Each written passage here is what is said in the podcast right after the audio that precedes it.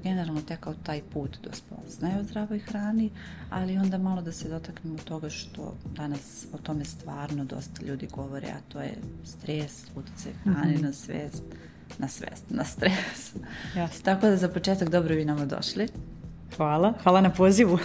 Evo prvo za početak da, da vas predstavim, sa nama je danas doktorka Jovana Mašić. Ona je autorka knjige Hrane kao lek i dosta dugo se već bavi istraživanjima na temu ishrane. Radila je jedan period u Šapcu, zatim u Bogaticu, ako se ne varam. I ono što sam čula jeste da ona ima i svoju baštu koju, koju uzgaja od semenki pa do, do krajnjih plodova. O tome ćemo nešto kasnije pričati, a sada e, za početak da li možete da nam objasnite kako teče taj put i kako kreće vaše istraživanje o hrani? Koji je bio motiv? Motiv je bio zdravstveni prvenstveno. Ja sam nekako na šestoj, e, peta godina, ne, šesta godina medicine smo imali predmet koji se zove higijena i mhm. tu se, to je jedini put na medicinskom fakultetu da, da su nama spomenuli ishranu i to jako kratko, tipa ne znam, možda sedam do 9 školskih časova je bilo, svega za šest godina, što tad meni nije bilo čudno, sad mi je čudno kada gledam sa ove strane zašto se o tome više ne uči, ali tad je krenulo to neko moje istraživanje baš sam se ono, baš sam, voljela sam taj predmet kad dođe samo da naučim na što ishrani, Međutim, ono što se tamo učini je ovo što ja sada pričam, nekako sam istražila neke druge stvari, ali tu sam se zainteresovala. Nakon toga, mm, prije toga sam još u petoj godini, ja sam kao malo operisala kuk. I nikad, nikad mi niko nije rekao ni od tih lekara, sve to hvala Bogu, prošlo kako treba, ja sam igrala košarku, posle sve super. Međutim, niko mi nije rekao da sam ja sutra ima mogućnost da mogu da završi na operaciju gradnje veštačkog kuka jer su te kosti već dirane pa to može da strada brže nego kod ljudi koji nisu imali operaciju. I tu sam se onako iskreno uplašila jer sam ja aktivna osoba, igrala sam u folkloru, da, trenirala košarku. ja to vidim. Da, i nekako mi je ideja na, na ogradnju veštačkog kuka u ranim godinama, tipu u 40, jer sam vidjela jednu ženu na, na vežbama koja je isto imala priču kao ja i u 40 je čekala operaciju kuka. Ja sam bila u fazonu, ne, ja ovo ne želim meni da se dogodi i ko, ko, pitala sam lekare i ortopede i rekli su mi ne možeš to nikako da spriječiš i nekako sam baš bila u tom periodu tužna i kivna i ljuta i, I ne, znam više koje emocije. da, da, Zašto, zašto niko o tome ne priča, da sam uzela stvar u svoje ruke i počela da istražujem. I ono što sam našla nije da samo može da spreči dalje oštećenja kod mene i da odložim tu operaciju, ako ništa bar da odložim, ne moram u 40, neku ugradim u 60, 70, Jasne. ne moram tako rano ovaj, ali sam našla informacije da ne samo to može da spriječi da pomogne kod toga, nego i kod raznih drugih hroničnih bolesti, srčane bolesti, e, diabetes, sad autoimune bolesti. Znači nekako je Koje su univerzalno. prisutnije, da? I to je baš važna poruka. I e sad iz tog iz tog vašeg istraživanja dolazite do celovite biljne ishrane. Možda li nam objasniti taj pojam, šta to znači, šta podrazumeva celovita biljna ishrana? Zanimljivo je da kada sam počela da istražujem, meni su nekako na sve strane neki videi su iskakali vezano za iskranu, a počelo je zapravo to kuk i imala sam povredu prednjeg ukrštenog, pošto sam igrala košarku na fakultetu, to je priča, ovaj, da, i onda je neka koleginica poslala u grupi kao to je naše nekoj košarkaškoj, ove vežbe treba da radite, pa sam ja pomislila, ako postoje vežbe za koleno da se to jača, vjerojatno postoji i za kuk, e onda sam došla i na ishranu. I ovaj, što se tiče ishrane, ja sam prvo zapravo naišla na keto ishranu. I to možda čak Koja ni... je sad popularno da, veoma, da. I bila sam u to je to, ja sam jela avokado, jaja, meso, jogurt. To sam jela, nisam jela voće uopšte. I nekako u, u, sklopu kad sam to počela da jedem, onda sam videla neke druge snimke, neke knjige, pročitala sam knjigu Kineska studija koja mi je onako bila ok, hajde da ispitam ovo. I sam odmah na prvu rekla, dobro, to je to, ajmo na biljnu ishranu, nekako sam, ja sam skeptična, pa moram, moram dosta nauke da istražim, da pa vidim da li je to zaista tako. I doktorka ste, to je verovatno na neki način i, vaša prednost što umete da istražujete. Zato ljudima treba, potrebno su savjeti na koji način, koga slušati, koga gledati, šta pratiti ali aj da, da se vratimo. Da, to je isto mnogo nezgodno ovaj, jer imaju doktori koji eh, govore različito i isto se pozivaju na studije, na istraživanja, ali to je, to je drugačija tema. Onda sam došla na tu ideju, ok, ajde vidim šta je ta cjelovita biljna ishrana, ajde probam to i sad ću reći šta, šta podrazumeva i zapravo sam ja počela kao post. Aha bio je božićni post i rekao, nikad u životu nisam postila, iskreno ja sam jela ono, najgoru moguću hranu pre ovoga, tako da ako ja mogu da se promeni, može svako, to jest tako sam ja mogu. I nekako je krenuo taj post i mama i ja smo ušla u post i super, meni to bilo super, prvi put probala, ne znam, leblebiju, mahunarku, pričat ćemo da, šta treba I ja sam bila u fazonu, zašto je ovo nikad u životu nisam probala, meni je ovo super. I ništa, tako sam, uz, sve to, eh, pogledala sam jedan film koji me onda odveo i na etičku stranu, pa sam tu sad ja sam nekako specifičan slučaj, tu sam i iz etičkih razloga, ali meni nema smisla da budemo ono na veganskoj ishrani i da jedemo najgoru moguću hranu, jer onda štetimo svom zdravlju. Ako štetimo svom zdravlju, onda ne možemo da vršimo tu misiju širenja veganstva ili kako god. Tako da sam ja i na, tu, na taj zdravstveni aspekt, da da istražim šta to treba da se jede i zapravo se mnogo razlikuje veganska i celovita biljna ishrana. Mislim, može mnogo da se razlikuje, u većini slučajeva se razlikuje ako su ljudi iz etičkih razloga tu. I u, znači, na, za naše gledalce, čitavce, najosnovnija, hajde da kažemo, definicija. Šta? Celovita biljna ishrana je ishrana u kojoj unosimo celovite namirnice, znači ne prerađene, i podrazumeva unos biljne hrane, mahunarke, žitarice, orašasti plodovi, semenke, voće i povrće to je nešto što treba da se unosi svakog dana. Mhm. I sad, postoje neke namirnice koje su minimalno prerađene, neke koje su, recimo margarin. Margarin je biljna hrana, ali je visoko prerađena hrana i to ne spada u cjelovitu biljnu ishranu. Jasno, dobro, to je dobar primjer da, da I čips recimo isto. I svi oni slatkiši i sve ono što, sad je to postao i trend veganstvo, pa sad vegan ili posno, to što piše vegan i što piše posno ne znači da je zdravo. Znači, da. Ne znači da je A da li je, evo sad ću napraviti digresiju, da li je zdrava hrana na taj način i skuplja, kakvo je vaše iskustvo? Da li je potrebno dodatno neki novac pripremiti ili jednostavno možete da nađete i namirnice koje su za prošljenog potrošača potpuno pristupačne. To je velika zabluda da, da je skuplje. Svaka ishrana Mislim, slažem se da svaka zdravija ishrana, pa čak i neko koje je na standardnoj, ali se zdravije hrani, ajde kažem, jede dosta voća i povrća, naravno da je, ne znam, skuplja je možda neko voće i povrće od paštete. Ili, ali pašteta je nehranljivo uopšta namirnica. Tako da ne mogu to da poredim tako. Generalno u odnosu na, na ovo kako se većina ljudi hrani nije ništa skuplja.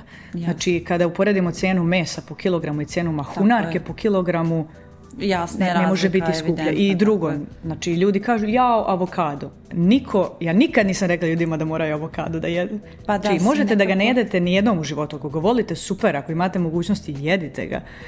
Ali orasi naši, suncokret naš, možda je čak i zdravija hrana u nekim, eh, u nekim nutrijentima. Tako da ne, ne, treba, ne treba više. To, to je mnogo važno da se čuje jer stvarno postoji ta predrasuda da ako, ako već nekako malo, što vi kažete, trend je nametnuo to da, da se tako to postavlja.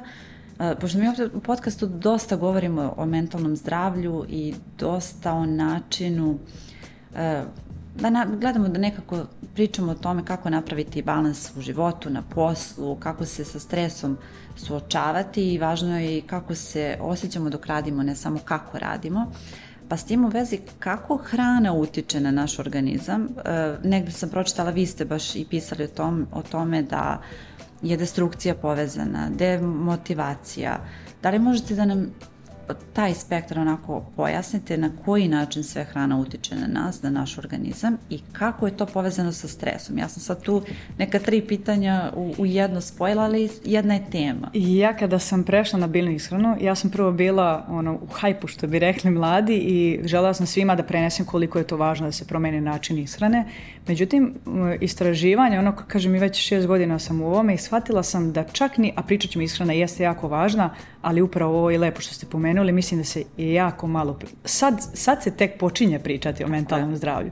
Prethodnih godina ne, to je tako gurano po tepih i nažalost dalo je neke posljedice. Apsolutno. Ja kao lekar sam se nagledala svega i svačega, upravo zbog tog mentalnog zdravlja. A što se tiče e, same hrane, nekako kad ljudi promene, ja kad sam promijenila način ishrane, nekako se menjaš ti ceo kao osoba. Sve se menja i to i ima stručno objašnjenje i povezano sa, sa, sa mentalnim zdravljem i sa stanjem organizma i depresije i anksioznosti ne kažem da uvek može, promenili smo način ishrane i sad smo izlečili sve. Znači to, to nekako ne sme, ne sme da se tvrdi tako nešto. Ali pokazana je povezanost zdravih creva i mozga. Eto. Taj serotonin koji se stvara u našim crevima kada jedemo neku određenu hranu, to je taj hormon sreće, ovaj, apsolutno je povezana ta, ja ne znam kako se na crevnom možda, možda na barije, ne znam kako se kod nas prevodi, ja sve čitam na, na, engleskom, ali postoji ta poveznica znači, između crjeva i našeg mozga, apsolutno da utiče. nažalost, i u posljednje vrijeme dosta ima raka develog creva, baš kažu zbog da je povezano sa ishranom. Apsolutno. Da je na prvom mestu u Srbiji, po, ja sam se šokirala kada sam pročitala te neke rezultate. Jeste, jeste, i to je ovo što kažemo, crveno, crveno meso i prerađeno meso, Znači to su ono viršta, salame, kobasice, slanina i tako to i crveno meso, znači govedina. I to je, meni je najžalije kad vidim ljude na toj keto i karnivor ishrani, jer oni ne vide, ima tu jedna dobra stvar, ljudi kažu ja sam na keto ishrani pet godina i nije mi ništa. Da bi nastao karcinom, potrebno je 20 godina. Ima ona jedno tačno tipa, potrebno je deset godina da bi tumor narastao. Ja ću sad lupiti, ali tako je neka mala brojka, tipa par milimetara. Znači mi ne možemo da znam, pa mi imamo problem kad hoćemo da dijagnostikujemo karcinom dojke. Ne može uvek da se vidi na, na tek kad naraste na određenu veličinu, može da se vidi na, na snimku. To su te neke stvari koje, nažalost, ljudi koji, koji nisu iz struke ne znaju i ja njih ne krivim. Zato pa ja tako obazrivo ulazim i zato argumentovano. Koji, koji istražuju to svakodnevno i koji su se stvarno posvetili tome. Ja znam da ste vi napustili jedan posao da biste Jest, se bavili, bi potpuno bavili ovim i vrlo, vrlo hrabro istupati i kada se govori o tome i neće ljudi danas ni lako da govore o toj temi. I da se vratim na, na ovaj utjecaj hrane i stresa, odnosno hrane i posla.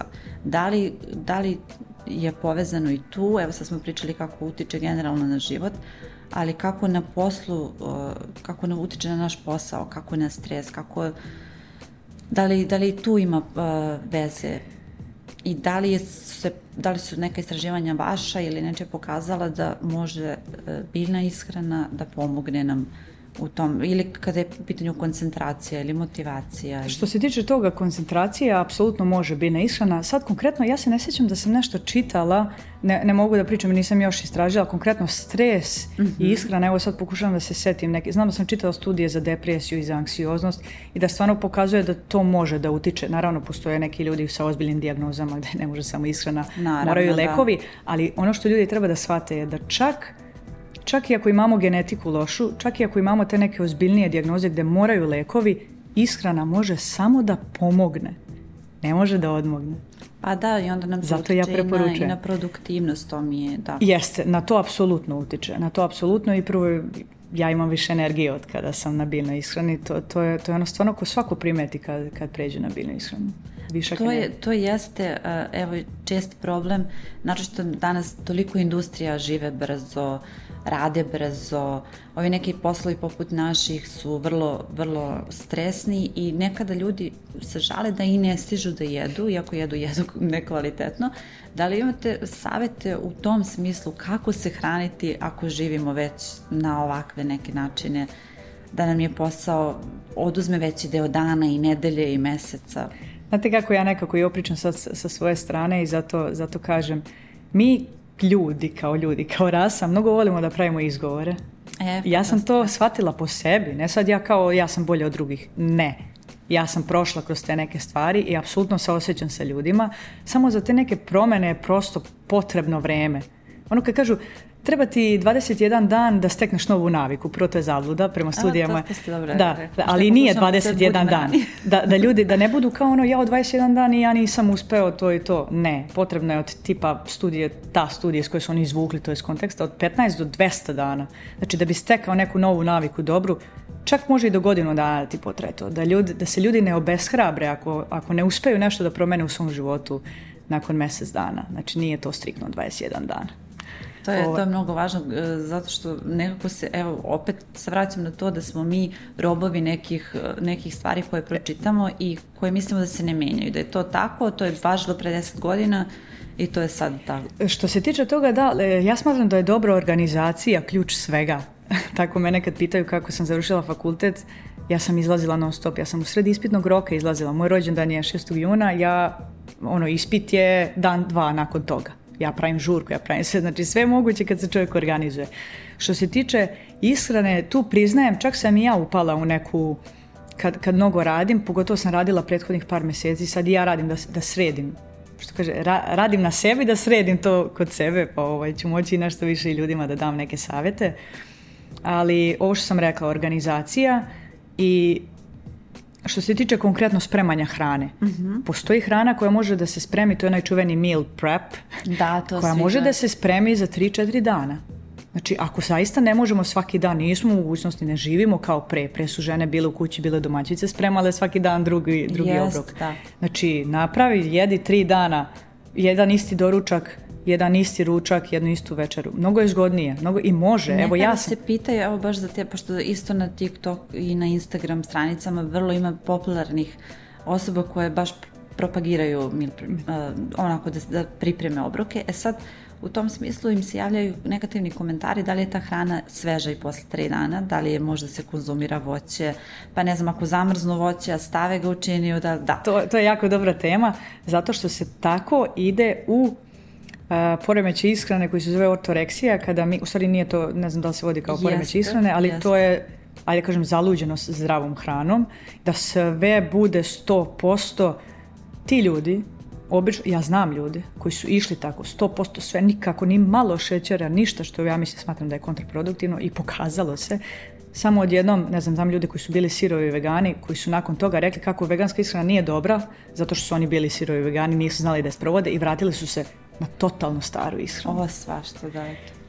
Tako da te krajnosti nisu dobre za nas. Zašto? Zato što mi kao biće, većina ljudi ne može da podnese to da si ti, e mora sad tako, 100% ću samo zdravo. Znači 80 do 90% celovite hrane ostalo može da, pa ja kažem uvijek ljudima kad vide da ja nekad pojedem nešto prerađeno, znači nismo robovi, e, možemo nekada da. se opustimo, ali Problem je što ljudi ili idu skroz u krajnosti samo zdravo ili ovi u krajnosti jedu totalno nezdravo. I onda tu nema, to je taj balans. E, pa da, to je taj balans koji, ljudi stalno pričaju, jao samo umereno. I to je stvar, nije što je za mene umereno, nije za tebe umereno isto. to, to je isto važno i ono što sam isto uh, se gledala i na, na tvojim stranicama, vrlo zagovaraš holistički pristup. E sad, ja na primjer prateći ekonomiju, znam da sada postoje i holistički pristup čak građenju objekata. Ali da, veruj, veruj, da. To sam baš pre neki dan e, pisala o tome. Šta sad to podrazumeva u, na, u zdravlju, u ishrani i da nam objasniš šta je zapravo uh, holistički pristup? Nekako, ja ne znam da li postoji neka definicija standardna, jer ja ne volim definicije i nabranja, to, sam, to nisam voljela na fakultetu, ali šta to za mene znači? To znači da se priđe osobi, znači kada uzmemo pacijenta, da ne gledamo samo jednu stvar, na to se fokusira današnja medicina. Znači bolite glava, otišao si kod neurologa i to je to. Znači bol u glavi može da bude iz milijun jednog razloga. Znači prvo da se sagleda čovek kao celina, i da se priđe sa više strana. Znači, pod ja smatram ne samo aj promenit ćemo ishranu i to je to. Znači, mijenjamo sve. Fizička aktivnost, da se radi na upravljanju, upravljanje stresom. To je jako važno napolju da provodimo vreme, da imamo, da održamo dobre kontakte e, u porodici. Sve, to, to za mene znači. Znači da čovek radi na svim poljima podjednako. I moguće je primeniti čim, čim, čim, počinjemo tome da mislimo i e, evo rekli ste upravljanje stresom. Je li stvarno moguće upravljati stresom? Naravno da je moguće. Stres je prvo on treba da postoji u našem organizmu, kao i bol. To, to su neke reakcije bez kojih mi ne bi opstali kao vrsta uopšte. Mi da nemamo bol kao mm, ako stavimo ruku na ringlu i da nemamo taj osjećaj da nas boli pa nama bi izgorela ruka. Isto tako plastično da objasnim ljudima, ja tako volim da shvati, isto tako i stres. Znači mora da postoji, postoji taj neki pozitivan stres. Evo recimo, ako hoćemo da razvijemo mišićnu masu, mi prvo moramo da vežbamo, znači radimo vežbe snage, u, tom procesu se kidaju mišići Eto. i vrši se stres na organizam. Ali taj stres kad prođe, naravno ako nije prevelik, onda to je za nas stimulacija, stimulacija za naš organizam da se naprave veći mišići.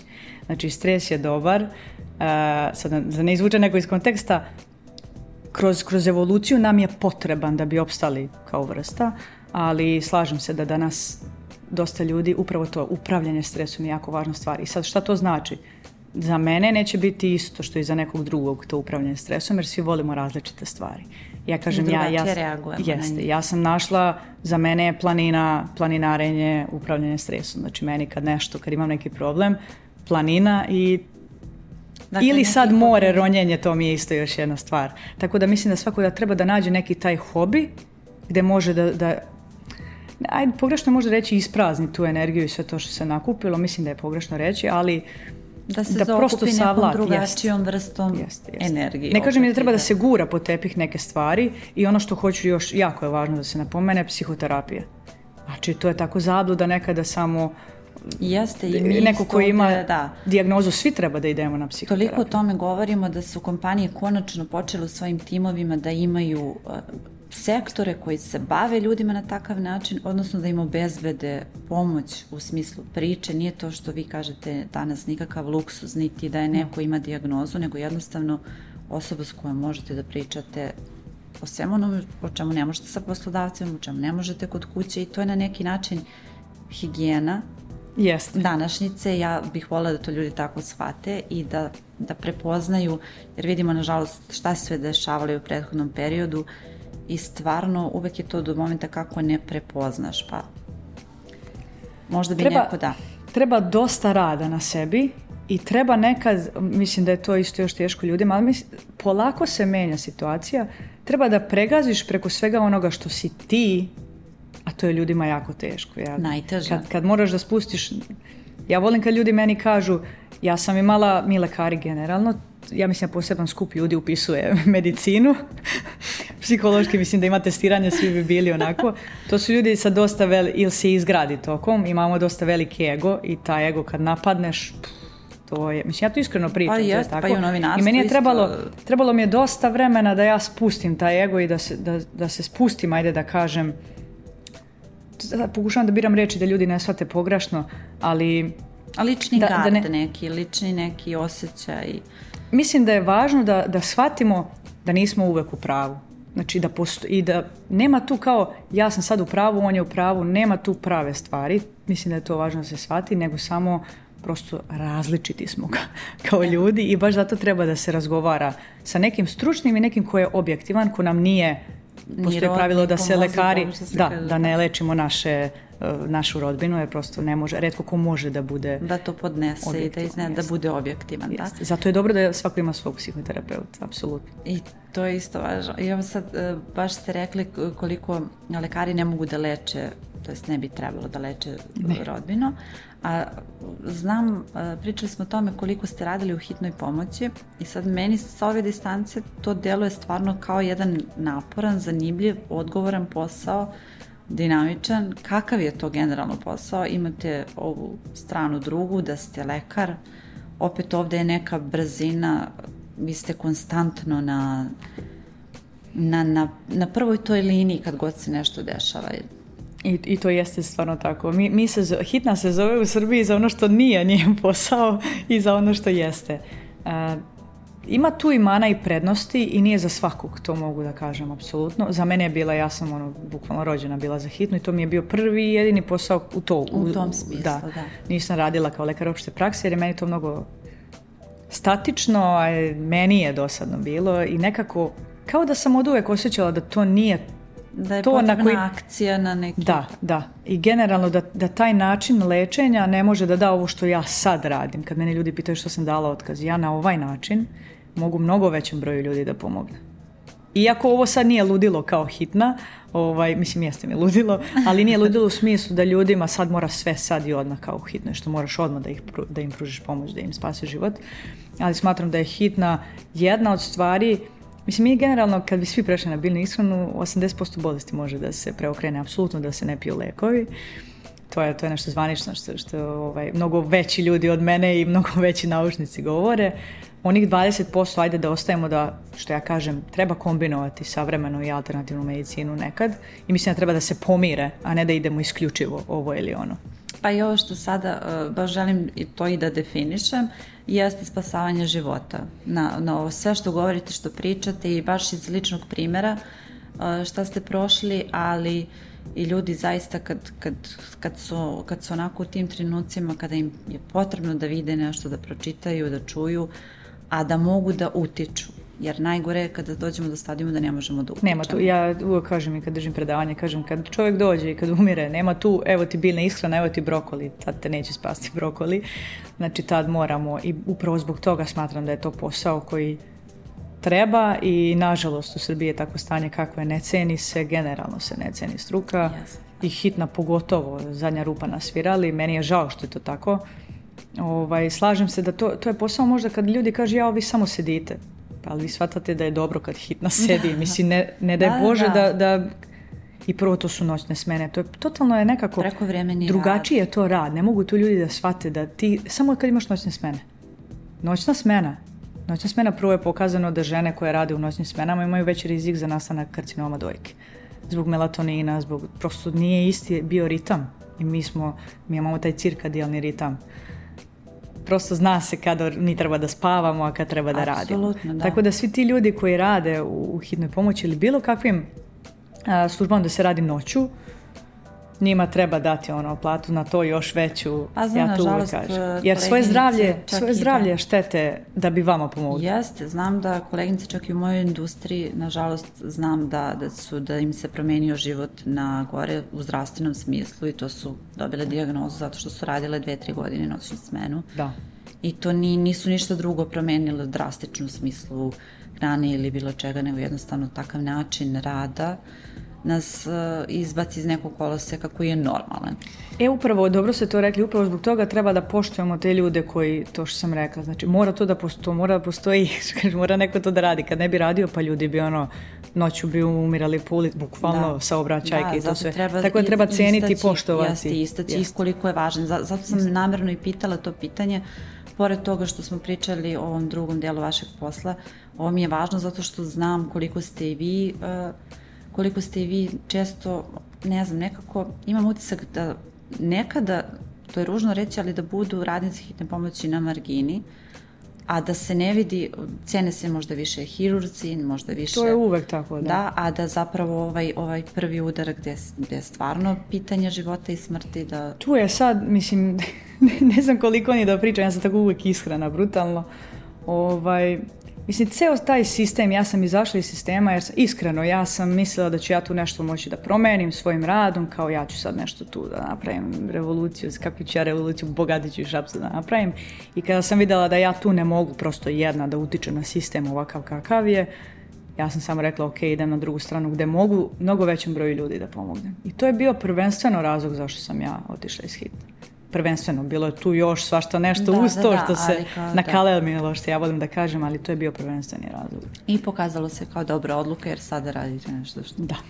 I e, da se vratim opet na cene, pričali smo malo pre da li je zdrava ishrana skupa ili ne, ali veganstvo kao takvo, da li može da bude biznis, da li je to mhm. danas popularan biznis? Kako vi to sagledate iz vašeg gugla stručnog, a i znam da imate pomalo iskustva u tom da kažem, ugostiteljskom delu. Da, Bože, apsolutno da bude biznis. Ja mislim da danas od svega može čovjek da napravi biznis, samo ako ubode pravo vreme.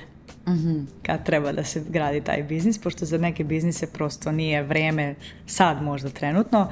Što se tiče veganstva, sad jeste apsolutno vreme i sad, mislim već odavno, primijetite samo po, da, po Beogradu koliko se otvara novih, novih veganskih ovaj, restorana E, mislim da manja mesta tu ne, jer sam se ja opekla, eto iskreno, kogod da gleda, ako vidi neko koji je u manjem mestu, Šabac apsolutno nema tržište recimo za to, ja sam se tu opekla i nekako sam naučila veliku lekciju što se tiče tog dela. Dobri, lepo priznati, da. Jeste, pa mislim da može nekom da znači. E, I ono prva stvar je to da li može biti biznis, jeste da ljudi ispitaju tržište, da li to stvarno može, ja to nisam znala prije pet godina kada sam radila. I generalno sve ovo što ja sada radim, ja nisam nikada razmišljala da ću ja sad moći da živim od toga, od ovoga što radim. Znači bilne iskrena konsultacije, pa ne znam, Instagram, ja nikad, ni u jednom trenutku, ja sam dok sam radila u hitnoj samo imala te informacije, biljnoj iskreni i samo sam želela da podelim to s ljudima, jer mi je žao, ja sam izgubila neke ljude, a nisam znala sve te informacije i ne želim da se to drugima desi, nek bar imaju šansu. I tako je nastao moj profil zapravo. Ni u jednom trenutku nisam rekla, hajde sad ću ja biti influencer, hajde da gradim profil, ni u jednom trenutku. Eto, e, toliko ste lepo sad ovo rekli da sam htjela tu da završim emisiju, zato što je baš onako ključna poruka, ali evo posljednje pitanje, pošto baš zbog toga što delite znanje na Instagramu i na YouTubeu i veoma ste popularni i ljudi dele vaše savete dalje, što se meni veoma dopada, da li možete za naše čitavce i gledalce za kraj da nam sakupite nekih pet saveta od ovog što smo govorile, a da se tiče ishrane, i tih odluka koje nisu ni malo lake šta, kako sebe potrebit ću reći setovati, ali kako sebi Prvo, ali ja ću na, ne mora prvo, drugo, kako god ko hoće da zavisi ko je na kom nivou pa šta treba da menja e, u svom životu, u stvari na kom putu je trenutno E, ishrana, prvo ako neko ne može da bude 100% biljna ishrana, svakako da uvede sad trenutno više biljne hrane. Znači to, samo više biljne hrane, samo da, se, da, proba neku novu mahunarku ili žitarice ili nešto tako. Druga stvar, fizička aktivnost, ja, jako važna. Šta će za koga da odgovara, da li trčanje, da li neke vežbe snage, šta god, znači da, da se uvede apsolutno je važna ajmo tri mentalno zdravlje da se radi na tome, znači da se da nije sramota ići kod psihoterapeuta, apsolutno, ni kod psihijatra ako se treba. I to onako u posljednje vrijeme baš mi je baš mi je stalo da to ljudi shvate. zato što imam i, znam neke ljude i kroz praksu sam gledala svašta, svašta hitno i nekako se stigmatizuje, stigmatizuje i dalje to i nekako želim da shvatim da je me, isto je i onaj koji ima mentalnu neku dijagnozu na F tu čuvenu, nema razlike odnosno odnosu na onog koji ima neku za srce. Ka, kakve, I jedno i drugo je ovaj, bolest. Dijagnoza. jest.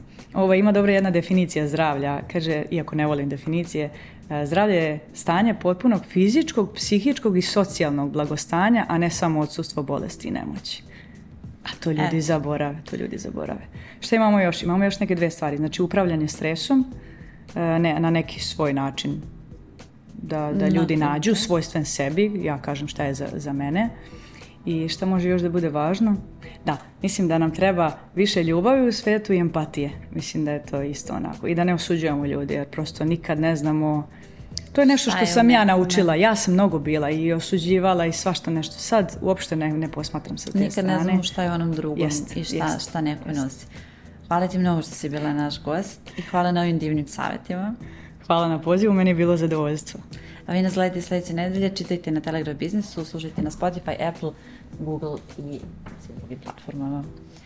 ba, baš si lepo rekla i baš si lepo zaključila i zato sam i htela sa ovim da završim u ovo vrijeme, pogotovo zbog svih dešavanja, yes. empatija. Meni je žao što, se, što treba tako nešto se desi da bi se u ljudima... I da, da bismo se malo krenuli.